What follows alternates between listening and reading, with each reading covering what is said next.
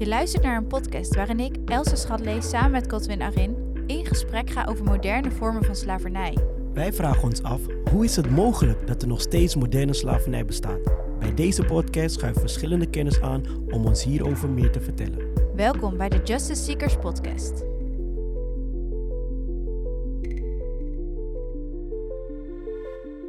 Arjen ten Brinken is al jarenlang betrokken bij IGM en voorganger bij Mosaic. Hij maakte met IGM reizen naar India, Ghana en de Filipijnen, waar hij de strijd tegen slavernij van dichtbij meemaakte.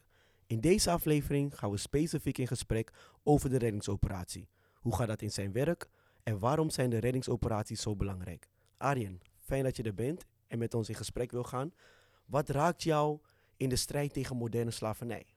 Oh man, wat een grote vraag. Heel veel. Misschien is het uh, goed om te, te, vertellen waar het is gestart. Dat was volgens mij 2013 dat ik mijn twee jonge kids in bed uh, legde, meisjes. Ze waren toen volgens mij, moet ik even rekenen, maar niet uit, maar in ieder geval heel klein. Uh, twee en vier denk ik. En ik legde ze in bed en ik was gewend om elke avond met onze meisjes te zingen. En te praten over vrijheid. We zingen liedjes daarover. En ik had het met hen over vrijheid. En dat het zo bijzonder is dat ze vrij zijn. Maar tegelijkertijd was ik op een gegeven moment een keer op een, ik weet niet meer hoe dat was, maar op een avond praatte ik met hen daarover. En toen dacht ik, ik praat met hen over vrijheid, maar er zijn zoveel kinderen op de wereld die dat niet hebben. Hoe is dat met hen? En ik vind het een beetje ingewikkeld om te omschrijven, maar er gebeurde iets van binnen dat ik soort emotioneel werd en dacht, mijn twee meisjes liggen in een bedje. Er is een vader die voor ze er is, zorgt, leg ze in bed, geef ze nog even een huk, een Hmm. knuffel. Maar ik had gehoord dat er heel veel meisjes op de wereld zijn die ook op een bedje worden gelegd, Oh. maar dan op een andere manier. Die worden niet gehukt, geknuffeld door hun vader, maar die worden misbruikt op Ja. een bedje. Meisjes in de leeftijd ook van 2 en 4 jaar. En het is gelijk heel, heel, heel, heel erg heftig. We zitten er gelijk middenin, maar dat is wel hoe het was. Dat kwam zo bij me binnen op dat moment. Ik zag die twee meisjes van mij in een stapelbed. Ik legde ze in bed. En tegelijkertijd dacht ik aan meisjes die op een andere manier op een bedje worden gelegd. Wow. En dat kwam zo bij me binnen. Ergens werd ik heel emotioneel. Noem het roeping, als je dat zo kan zeggen. En ehm, toen heb ik contact opgenomen met eh, IJM, de organisatie die eh, wereldwijd een einde maakt aan slavernij. En eh, ik heb gezegd, ik wil iets doen. Wat kan ik doen? En het was Mhm. nog heel klein toen, 2013. En ik zei, ik kan spreken. Mag ik spreken voor dit onrecht? En Wow. iets doen. Dus het begon echt heel idealistisch. Maar het begon echt bij een diepe bewogenheid over dat ik naar mijn, naar mijn eigen kinderen keek. En dacht aan alle andere eh, kinderen op de wereld die kwetsbaar zijn en niet vrij zijn. Wat bijzonder. Heftig ook, lijkt me, als je dan eh, zo'n gigantische omslag hebt in Ja. één avond, dat je zo, Ja. zo die omslag maakt. Ja. Wat, eh, hoe lang heeft het geduurd voordat je daarna ook echt ging spreken voor IGM? Dat weet ik niet meer zo goed, maar wel heel snel. Ik weet dat ik naar IGM eh, ging en ik zei, ik kan spreken. Ik heb een podium, in mijn geval is dat de kerk in Nederland. En ik zei, laat mij dit verhaal vertellen. Gewoon een verhaal vertellen over... eh, nou ja, ik geloof dat de kerk, er zitten schooljuffrouws, ondernemers, eh, er zit iedereen. Er zit zoveel, er zitten zoveel mensen die iets kunnen doen. Later ben ik bevestigd daarin, tijdens de- mijn reizen naar India en Filipijnen. Als ik mensen sprak die, zei, eh, die eh, waren bevrijd uit slavernij. Ik stel ze altijd één vraag, wat kan ik doen? En ze zeggen altijd, spreek Arjen, want jij kunt spreken. Vertel dit verhaal, vertel de wereld dat het er is en spreek. En daarom eh, ben ik dat ook eh, toen gaan doen. Ik, ik, hoor, ik, hoor, ik hoor Arjen praten en ik denk van, ja, ik wil ook iets gaan doen. Ik kan niet blijven zitten. En dat heb jij ook gedaan. Jij werd op een dag, denk ik, wakker en je dacht, jongens, leuk dat ik kan spreken, maar ik wil ook echt wat gaan doen. Je bent naar een reddingsoperatie geweest. Neem ons even mee naar ehm, hoe dat precies gegaan is. Wanneer dacht jij, op welk moment dacht jij, wanneer, toen je ging, wat, welke emoties speelden erbij? Ik heb zoveel vragen, maar neem ons naar de allereerste vraag mee. Wanneer wilde jij en wist jij, ja, ik ga naar de reddingsoperatie? Nou, het is niet zo dat ik, dat ik dacht, ik ga een reddingsoperatie doen. Eh, dus eh, vanuit het eh, perspectief van IJM, de organisatie waar ik voor werk, is het zo dat lokale mensen die doen samen met lokale politie en justitie reddingsoperaties. St- sterker nog, dat doen zij niet, maar dat doet justitie. Mijn rol is, denk ik, en dat merk je wel, dat is vertellen. Ja. Vertellen wat er gebeurt en tegen de mensen zeggen hier, je kunt iets doen. Ja. Maar laat me je dan even meenemen op reis naar Manila. Ik was daar met een aantal mensen vanuit hier en we waren daar. En we kwamen daar op het kantoor van IJM. En zij vertelde dat ze bezig waren dat, één, dat in die eh, dagen daarna een reddingsoperatie zou plaatsvinden. Zo. Toen wij daar waren, dachten we, wow, gaan, gaan wij dat meemaken? Nou, wij Mhm. maken dat zelf niet mee, maar ze gingen ons wel informeren over wat ze gingen doen. Ja. En het heeft zo'n indruk op mij gemaakt. Want IGM werkt met undercover medewerkers. Zo. Dat zijn mannen, vrouwen, maar mannen vooral, die zich gedragen als een klant. Zij gaan de stad in. Eh, zij doen net alsof ze klant zijn. Zij gaan bordelen binnen met eh, allerlei undercover materiaal, Zo. camera's. Zij interviewen de klant. Zij zijn op plekken waar ze de meest verschrikkelijke dingen zien en meemaken. Dat moet om bewijsmateriaal te verzamelen voor later, als er een, een reddingsoperatie plaatsvindt, dat er dan genoeg bewijsmateriaal is in de rechtbank. Ik was daar en toen werd ik meegenomen op reis door, laten we hem, ik zeg maar wat, Victor noemen. Ja. Victor zei, dat was een van die undercover medewerkers. Die zei, ik ga met jullie, eh, ik ga iets laten zien in deze stad. Ik ging met hem mee in het busje en hij zei, ik wil jullie laten zien in Cebu, de tweede grote stad op de Filipijnen, wat hier gebeurt. En ik ging met hem mee in het busje en hij ging aan ons laten zien wat IGM met lokale politie en justitie in de stad had gedaan. Wow. En het was zo bizar. We hebben ongeveer twee uur in het busje gezeten. En om de paar honderd meter stopt het busje. En dan zei hij, zie je daar? Het was gewoon een flat, een appartementencomplex. Mm. Hij zei, kijk daar. Het zat vol met kinderen, Wow. meisjes. Wow. Die werden vastgehouden. We hebben ze kunnen bevrijden. De daders zijn gepakt. Wow. En het is gestopt. En we gingen daar naartoe en daar naartoe en daar naartoe. En het was zo Wow. intens. Het werd steeds eh, stiller in het busje. Zo. En toen zei hij, maar er is nog ander kwaad. Vroeger was het zo, zei hij, dat je, het klinkt heel heftig, maar je kon op elke hoek van de straat in Cebu een jong meisje eh, krijgen, meenemen naar je hotelkamer, seksueel misbruiken en weer eh, weg, eh, wegdoen, echt als afval. Wow. Hij zei, deze strijd, die hebben we bijna verslagen, maar er is nu nog een andere strijd. En het is de strijd van online seksueel misbruik.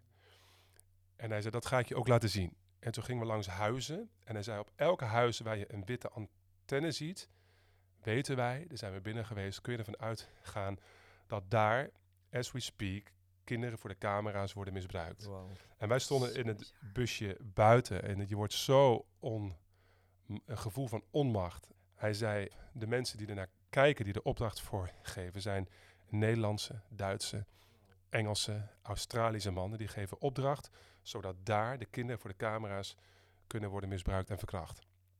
En toen werd het echt helemaal stil.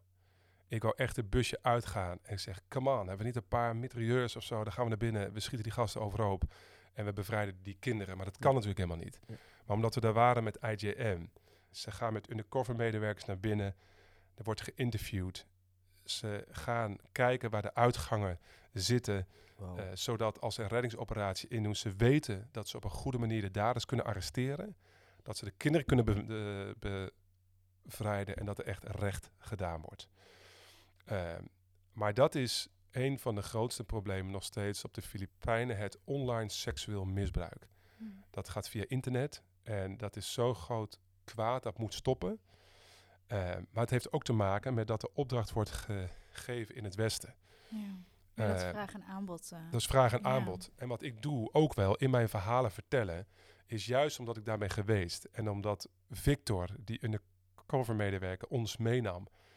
Ik zeg ook vaak tegen mensen hier, mannen vooral, als je kijkt naar eh, porno op websites, ook vaak eh, zijn het vrouwen die tegen hun wil in vastgehouden worden. En dat klinkt misschien een beetje raar, maar de link van volwassen vrouwen naar tieners, naar kinderen, op een gegeven moment kun je zo eh, wennen aan beelden dat eh, blijkt dat die stap ook zomaar gemaakt kan worden. Ja. Wow. Als eh, mannen in het Westen stoppen, eh, als dat stopt, en ik weet dat het veel complexer is dan wat ik nu vertel, maar het kan ook doorgaan omdat er veel vraag naar is. Eh IGM werkt vooral aan de aanbodkant om dat te stoppen. Laat het in godsnaam stoppen.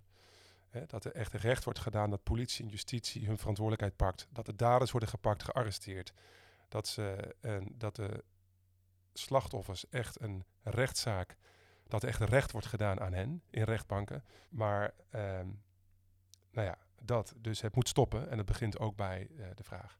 Ik, ik wil eigenlijk nog heel even terug naar zo'n reddingsoperatie. Want ik vind het echt mega heftig wat, je, Mhm. wat je vertelt. Ja. Ehm, en, en wat ik merk, en dat is waar ik in ieder geval heel veel over nadenk terwijl je dit vertelt, is dat ik eigenlijk een soort van bij die, bij die kinderen ben. En zowel in Filipijnen als in Ghana als op alle plekken. Maar dan komt er dus zo iemand bij je binnen. Die dus zeg maar undercover is, voor hun ogen een klant is.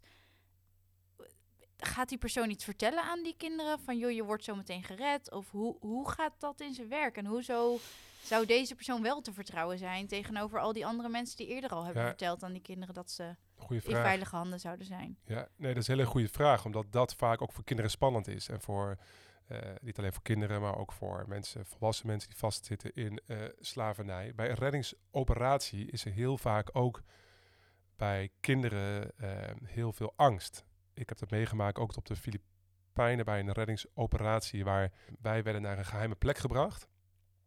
En we wisten alleen dat er vijf meiden ergens uit een bordeel gered zouden worden.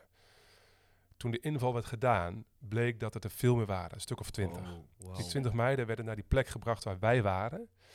Ik zal nooit meer het moment vergeten hoe ze binnenkwamen. Ze hadden hoofden, hoofddoekjes werden over hen heen gehaald vanwege privacy. Omdat er soms ook pers bij komt. En eh, meisjes hadden niks aan. Eh, nauwelijks iets aan. Een onderbroekje, BH, dat was het. Zo werden ze binnengebracht op de plek. Daar kregen ze kleren en de kleren deden ze om zich heen. Maar inderdaad, het was voor hun nog niet bekend van ja, maar dat zijn goede. Want ze zijn gewend dat ze worden verhandeld. Dan naar die plek, dan naar die plek, dan Oh, naar die plek. Dus het was, ja, we konden wel zeggen, eh, mensen van IGM, de nazorgmedewerkers, wij zijn wel oké. maar dat moest nog blijken. Dus toen zij kwamen op de plek waar wij waren, eh, toen zagen we daar. Ik zei tegen mijn vrouw die ik belde die avond van, ik had eh, het beeld was alsof het angstige diertjes waren die binnen werden Mm. gebracht, weet je wel, Ja. angst in hun ogen. Wat gaat ons nu weer overkomen? En daar, toen ze eenmaal binnen waren, toen kwamen de nazorgmedewerkers, vrouwen zijn dat, eh, binnen en die gingen vertellen dat ze op een veilige plek waren, dat het oké met ze was en eh, dat de politie eh, eh, de daders had gearresteerd. ehm. En toen zeiden ze tegen ons, tegen mij, ja, we gaan nu naar de Mac en jullie mogen eh, Big Mac menu voor ze kopen en gaan ze gewoon uitdelen. En dat deden we. De meiden hadden honger, dat was ook heftig om te zien. Dat was echt gewoon aangepakt en eh, er werd naar binnen geschrokt, zeg maar, omdat ze ook niet veel eten kregen toen ze in het bordeel zaten. Maar inderdaad, dan pas begint het moment van vertrouwen winnen. Ja. En dan zijn, van, en dan zijn daar van die nazorgmedewerkers.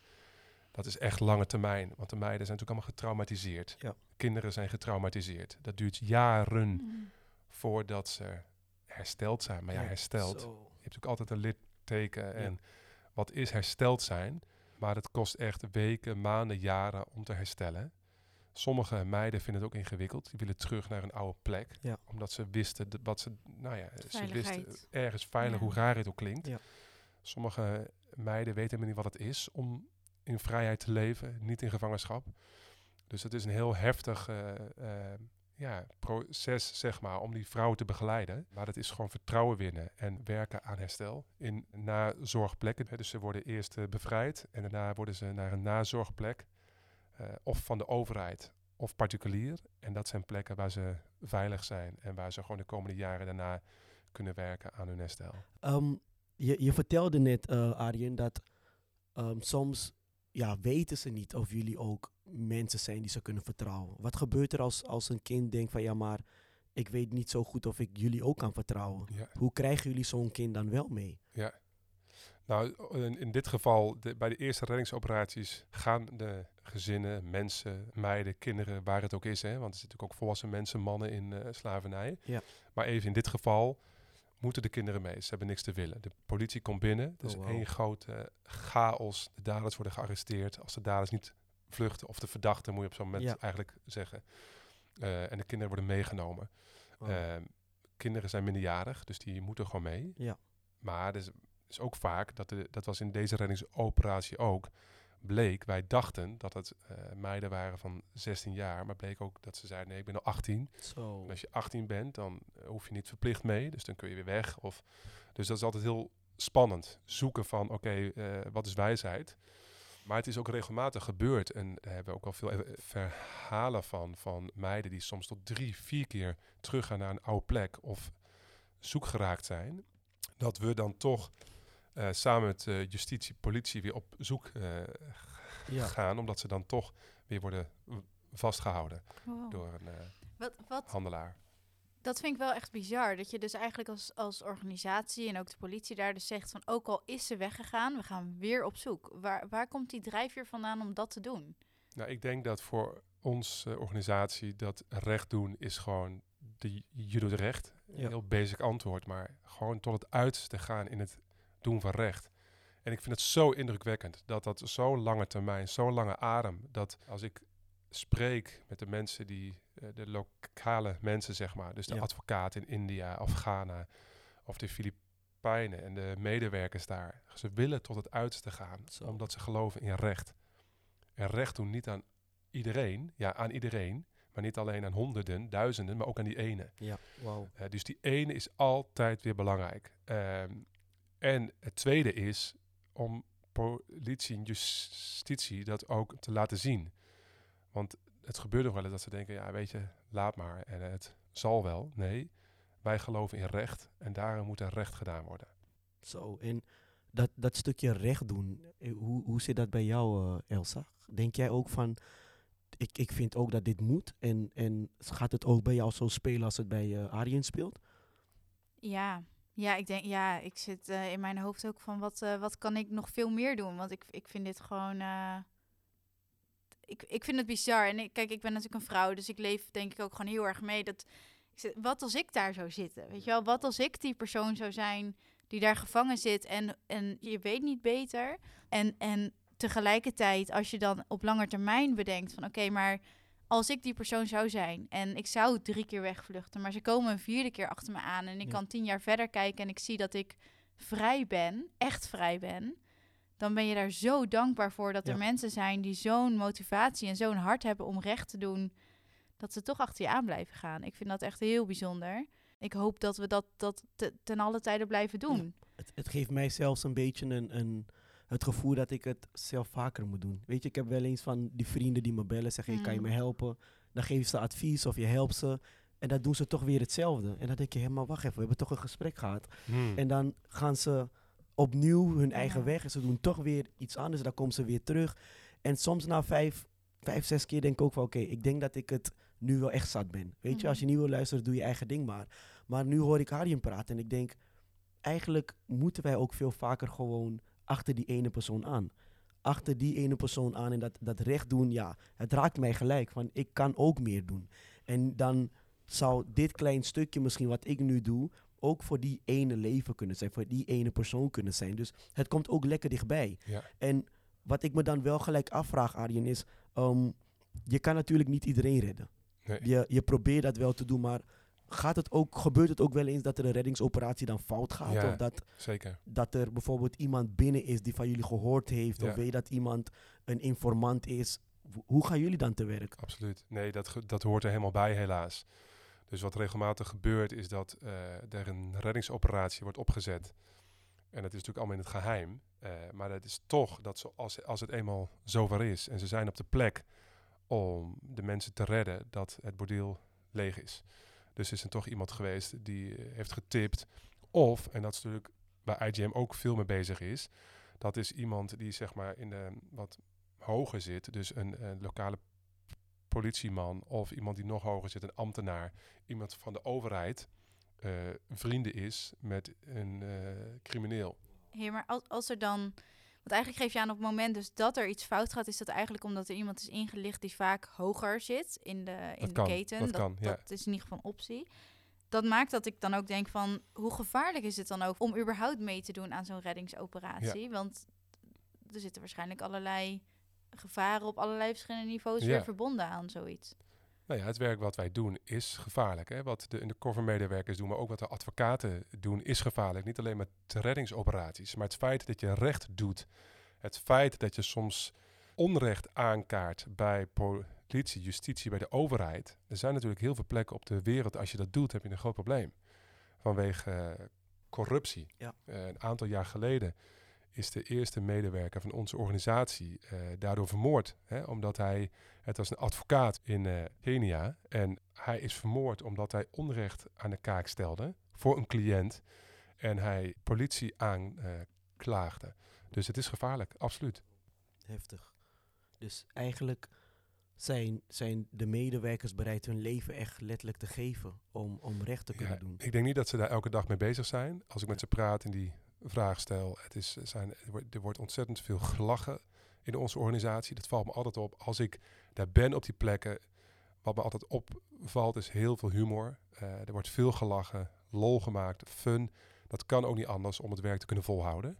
Eh, maar het is spannend werk, absoluut. En wat is, wat is voor jou tot nu toe ehm, ja, toch wel het spannende geweest ehm, in je eigen ervaringen? Wat vond je het spannendst? Wat jij hebt meegemaakt? Ja, ik denk dat ik dan. Ja, dan moet ik denken aan het moment dat ik in een stad was, een grote stad in Zuidoost-Azië. En daar waren wij op pad, ook met undercover medewerkers van IGM. En daar waren we in een grote stad, eh, een grote hindoe-tempel. En Een hele beruchte wijk. En op die plek, daar zijn ontzettend veel mensen komen daar bij elkaar. Maar daar lopen ook heel veel priesters rond. En er zit daar in, het, in de cultuur of in geloof eh, dat hindoe-priesters, die moeten jonge meisjes verkrachten. En als dat gebeurt, dan komen ze in het reinen met een van de miljoen goden die er zijn.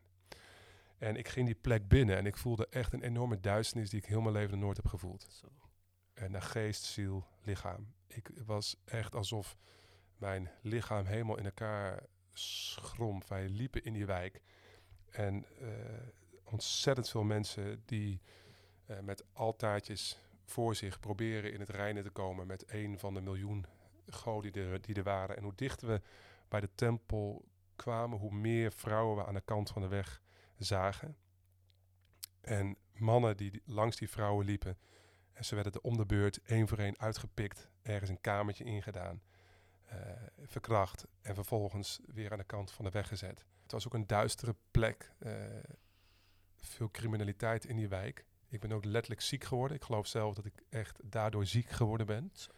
Ehm, maar dat is, om je vraag te beantwoorden, een van de spannendste plekken waar ik ooit in mijn leven ben geweest. En als je het een beetje op je in laat werken. Een van de vrouwen die zei tegen een eh, collega van mij die op reis was ook daar. Die zei toen er onderzoek werd gedaan om deze vrouwen te redden, zei ze: Je hoeft mij niet meer te komen redden, want mijn ziel is al dood. En dat betekent, dat betekent hoe heftig het is. Zo kapot gemaakt dat ja, je kunt mij wel redden, maar weet je, ik ben al dood. Ik sta je wel, maar ik ben al dood. En dat is de heftigheid van het werk en dat is waar we het over hebben. En dat is op grote, grote, grote schaal.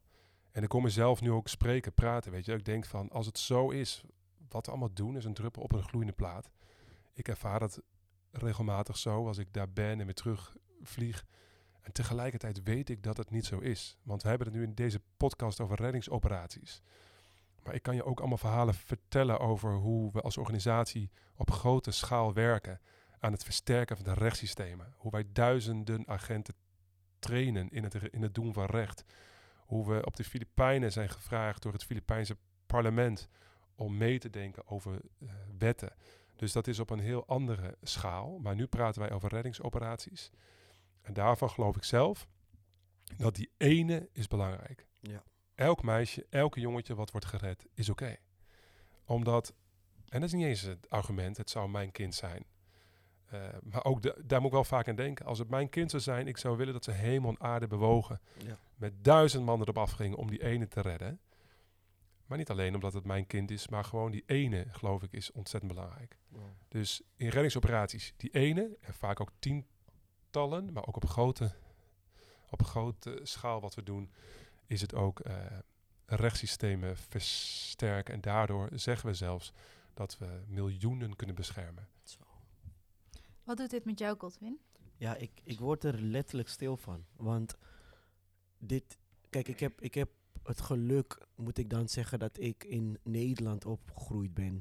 Vanaf mijn zesde woon ik in Nederland. En Ehm, ik heb bepaalde dingen wel meegemaakt als kind, maar dit is eigenlijk niks vergeleken daarmee. Weet je, en, ik word er stil van omdat ik zoiets heb van ja, op het moment as we speak gebeurt dit. En ik hoor Arjen het zeggen en erover praten, maar het is nog niet, het is nog niet opgelost.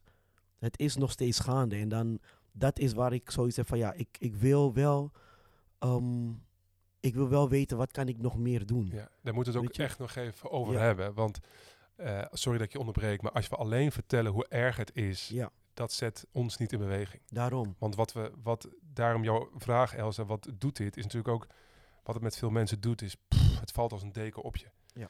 Maar dat is de ene kant van het verhaal. Hè? Dus het is niet alleen maar van hoe heftig het is. Want als we alleen maar dat soort verhalen vertellen, dan geloof ik dat eh, er geen einde komt aan Ja, onrecht of slavernij. Maar vooral ook, maar wat kunnen we dan, dan, dan doen? precies. En het is natuurlijk ook dichtbij, weet je. Wij leven hier in Amsterdam, in Rotterdam, in eh, grote steden in ons land staan er ook dames achter de ramen. Ja. Die daar echt niet eh, voor hunzelf staan of dat ze dat dan nou zo graag willen, weet je wel. Ja. Alleen, we hopen zo dat we hier in ons land zo'n rechtssysteem hebben, dat als er dames tegen hun wil in worden vastgehouden, dat het rechtssysteem functioneert. En als IJM werken we op eh, eh, plekken in de wereld waar het rechtssysteem niet versterkt. En daarom moeten we daar werken. Ehm, maar het gebeurt natuurlijk overal en heel dichtbij, ook hier in onze eh, omgeving. Maar ja, wa- wat, wat zouden wij dus kunnen doen? Wat zou een luisteraar kunnen doen die nu hiernaar luistert? Kijk, wij zijn, ehm, ja, we willen graag onze spullen pakken en op reddingsoperatie gaan, maar ik denk dat dat zo verstandig is op dit moment. Maar wat zouden wij kunnen doen? Hoe, hoe Ja. kunnen wij hier aan bijdragen? Ik denk altijd dat het mooiste is als je iets doet wat heel dicht bij jezelf ligt. Dus niet gaan zeggen, je moet nu ook je vliegtuig pakken en daarheen, want je kunt niks doen. Wij kunnen geen kinderen bevrijden uit slavernij. Dat doen mensen die daarvoor zijn opgeleid. Politie, justitie. Maar wat je kan doen is wat dicht bij jezelf ligt. Nou, jullie maken een podcast met z'n tweeën, dus dit is wat je doet. Jij laat mij, jullie laten mij het verhaal vertellen. Ja. En nogmaals, daar zijn we aan het begin van de podcast mee gestart, maar dat is wel zo. Ik zeg altijd, vertel het op verjaardagsfeestjes. het is niet tof, want iedereen wordt stil en je zet je eh, taartje neer en het is, eh, je krijgt een ongemakkelijke sfeer. Maar het begint met het vertellen van het verhaal. Ja. Eh, maar wat ik doe bijvoorbeeld, ik doe eh, sporten bijvoorbeeld, weet je wel. Ik ga meedoen met de mud race. Eh, is dat bekend voor jullie wat de mud race is of niet? Voor, ja, voor Godwin eh, niet, maar eh, die moet nog oefenen. Volgens mij doen jullie nee, ook mee gaan met de meedoen. race. Wij gaan De allebei race meedoen. is ja. gewoon eh, lekker voor IGM gaan we door de bagger. Eh, ik ga 16 kilometer doen, lopen eh, door de bagger, door de modder, door de sloot, helemaal vies worden. Daarmee, daarmee halen we geld op, zodat we daarmee kunnen werken aan het einde van slavernij. En mensen zeggen, ja, geld, geld, geld. Weet je hoe belangrijk dat is? Hoe meer, hoe beter. Ja. Hmm. Eén, je vertelt het verhaal. Twee, je doet iets, je laat iets zien. En drie, er wordt ook nog geld opgehaald, zodat we dat kunnen inzetten in de strijd tegen slavernij. Wauw. Maar een ander, een ondernemer, misschien zit er wel een eh, ondernemer naar deze podcast te luisteren, die denkt, oh man, eh, ik... Stel je voor, je hebt 100 medewerkers en je doet zo je best om het die medewerkers naar de zin te maken. Heel je bedrijf is daarop ingericht. Ik wil dat al mijn medewerkers het binnen mijn bedrijf naar hun zin hebben. En dan hoor je dit verhaal en dan denk je, my goodness, er zijn dus zoveel mensen medewerker. Maar dit wordt helemaal, er is niet een baas die vraagt, heb je het naar je zin? Ja. Maar er is een baas die je aftuigt, aframmelt. Ehm, en zo'n ondernemer kan denken, wauw, ik wil in actie komen door, kom op, op te staan, het verhaal te vertellen en met je onder, onderneming iets te gaan doen. Dus we kunnen allemaal iets doen. Wauw. Stel je voor, je bent juffrouw en je hoort deze podcast, je staat voor de klas, je kan iets doen met je klas. Laat, deel het met de kinderen. Al niet al deze heftige eh, verhalen, maar deel er iets van. En die kinderen gaan er thuis over vertellen en zo kunnen we met elkaar iets doen. Dus je kunt echt hier iets doen wat in je invloed ligt. Ja. Wil, wil jij misschien nog iets vertellen over een verhaal van een survivor of iemand die je hebt gesproken waarvan je echt gewoon de hoop weer in de ogen zag om ook gewoon het even weer heel dichtbij te brengen naar Zeker. iemand? Ik moet gelijk denken aan Cassie. Ik heb haar ontmoet. Cassie is een meisje van de Filipijnen ook. Het is weer hetzelfde verhaal, maar zij groeide op en haar werd een baantje aangeboden. Ze ging naar de grote stad, ze zou in een restaurant gaan werken. En uiteindelijk kwam Cassie in een bordeel terecht. Ze werd beneveld en ze werd wakker En ze zat in een bordeel.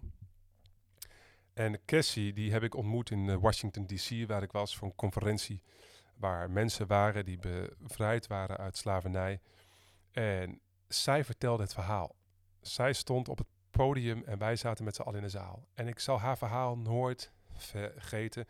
Ik ben na die tijd ook even naar de toe, want ik, ik dacht, ik vind het zo'n held. Ik wil naast je staan, even een plaatje maken, samen met Cassie. Want zij is echt de held, wat mij betreft. En wat ik zo tof vind aan haar verhaal, en ook zo ongelooflijk dat dat dus blijkbaar kan. Zij is jarenlang, heeft ze vastgezeten in een bordeel. Ze is bevrijd, getraumatiseerd, door zoveel mannen misbruikt. Maar Cassie is voor mij een, een verhaal van hoop. Want zij vertelde wat zij had ontvangen aan herstel. En haar woorden waren, toen zij daar stond, en ze kreeg een luid applaus. Ik ben niet langer een slachtoffer, maar ik ben een overwinnaar. En dat was zo inspirerend. Omdat ik, en, en dat liet zij zien. Je kon het aan de ogen zien als je in de ogen keek. Ja, ze vertelde eerlijk, ik ben, er is een litteken en die gaat niet meer weg. Maar ik ben niet langer een slachtoffer. Ik ben zo hersteld dat ik nu anderen kan helpen die zelf dit hebben meegemaakt als ik heb meegemaakt. En dat vind ik zo inspirerend. En ik moet zo vaak aan haar denken. Want dit is er maar één, maar we hebben heel veel van dit soort verhalen. Dus Cassie, dat is voor mij waarom we het onder andere doen. Wow, super mooi.